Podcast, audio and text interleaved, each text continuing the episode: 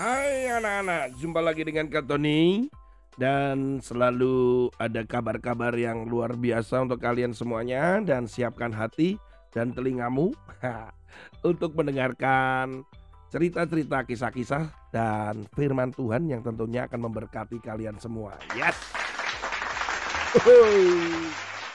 Berita kali ini berasal dari India, anak-anak.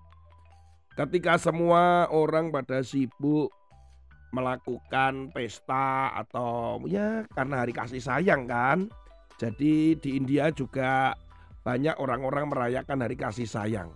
Hari kasih sayang yang jatuh pada tanggal 14 Februari itu banyak anak-anak muda atau ya anak-anak juga membagikan coklat. Kemudian ada yang makan bersama dengan keluarganya. Pokoknya karena menunjukkan mereka saling menyayangi.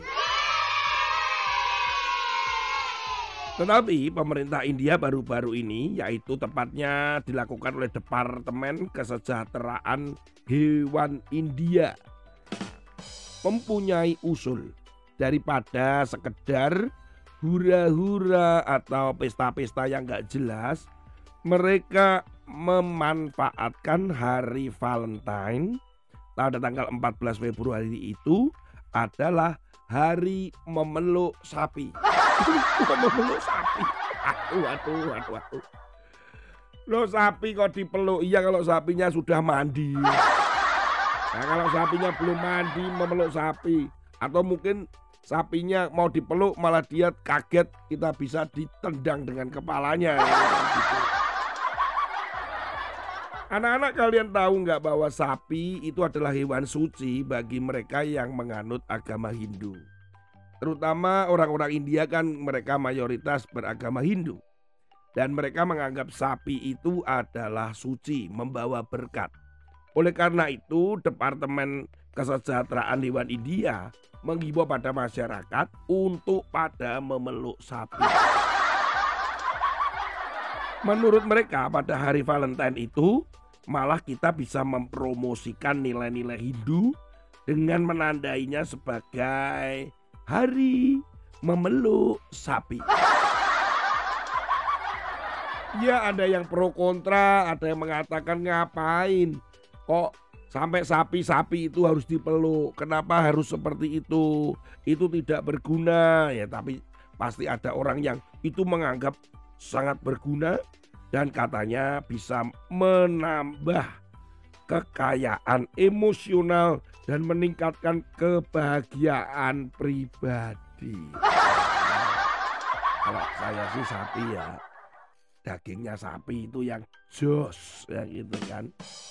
Nah ini kegiatan-kegiatan yang kadang kita tertawa nggak ada gunanya gitu ya.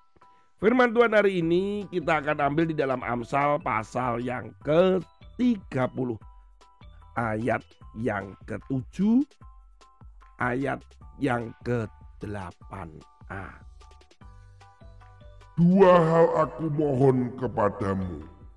Jangan itu kau tolak sebelum aku mati. Yakni, jauhkanlah daripadaku kecurangan dan kebohongan. Ayat ini nanti akan dibagi menjadi dua. Karena memang dikatakan dua hal. Nah, ini yang satu hal dulu.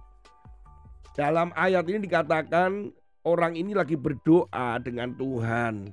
Dia ngomong bahwa dua hal aku mohon kepadamu itu kepada Tuhan. Jangan itu kau tolak sebelum aku mati. Artinya terimalah. Sebuah permohonan dari seseorang yang menulis Amsal ini. Dia berkata bahwa jauhkanlah daripadaku dikatakan kecurangan dan kebohongan. Artinya kita ini jangan sampai hidup di dalam kecurangan dan kebohongan. Jadi mohon kepada Tuhan supaya aku ini nggak curang, aku ini nggak bohong di dalam menjalani kehidupan. Banyak lo curang-curang yang dilakukan anak-anak kalau Tony sering membahas ya curang itu nyontek itu kan curang. Terus kemudian mengakui hasil karya orang lain curang. Kemudian e, mengambil uh, berita atau ngambil dari Google kemudian dimasukkan di dalam karya tugas kita tapi nggak ditulis sumbernya itu juga curang atau mungkin kalian lagi main bersama temanmu kamu memajukan pion-pion catur tanpa diketahui temanmu itu juga curang banyak kecurangan dalam bermain dalam sekolah banyak kecurangan itu jangan sampai ada pada diri kita juga kebohongan ketika ditanya kita bohong ketika kita mencoba menutupi keaslian kita dengan kebohongan-kebohongan. Rumahmu di mana? Wah, rumahku di situ. Ternyata kita bohong. Kita takut supaya teman-temanmu tidak menganggap kamu ini rumahnya kecil, kamu orang miskin sehingga kamu bohong sama temanmu. Rumahku di sana, rumahku yang gedung putih itu, ya sebagainya.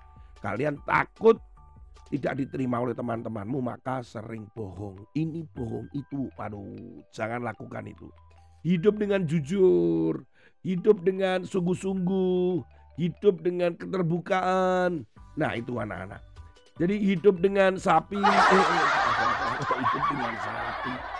Nah, mereka tuh melakukan itu mereka dengan kebohongan-kebohongan, menyembah sapi, menyayangi sapi.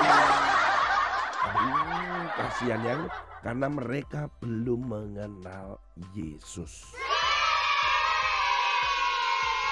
Sekali lagi anak-anak, kita harus menjauhi kesia-siaan atau dikatakan di dalam situ kita harus menjauhi kecurangan dan kebohongan. Ya, kalau di dalam ayat yang lain dikatakan eh, jauhkan aku dari kesia-siaan hidup yang sia-sia, menggunakan waktu dengan sia-sia, kemudian mengikuti kegiatan yang sia-sia, tidak ada gunanya. Ada banyak orang yang berpikir begitu, tapi nggak ada gunanya. Tuhan Yesus memberkati. Sampai ketemu lagi dengan Kak Tony di kesempatan yang lain. Amin. thank you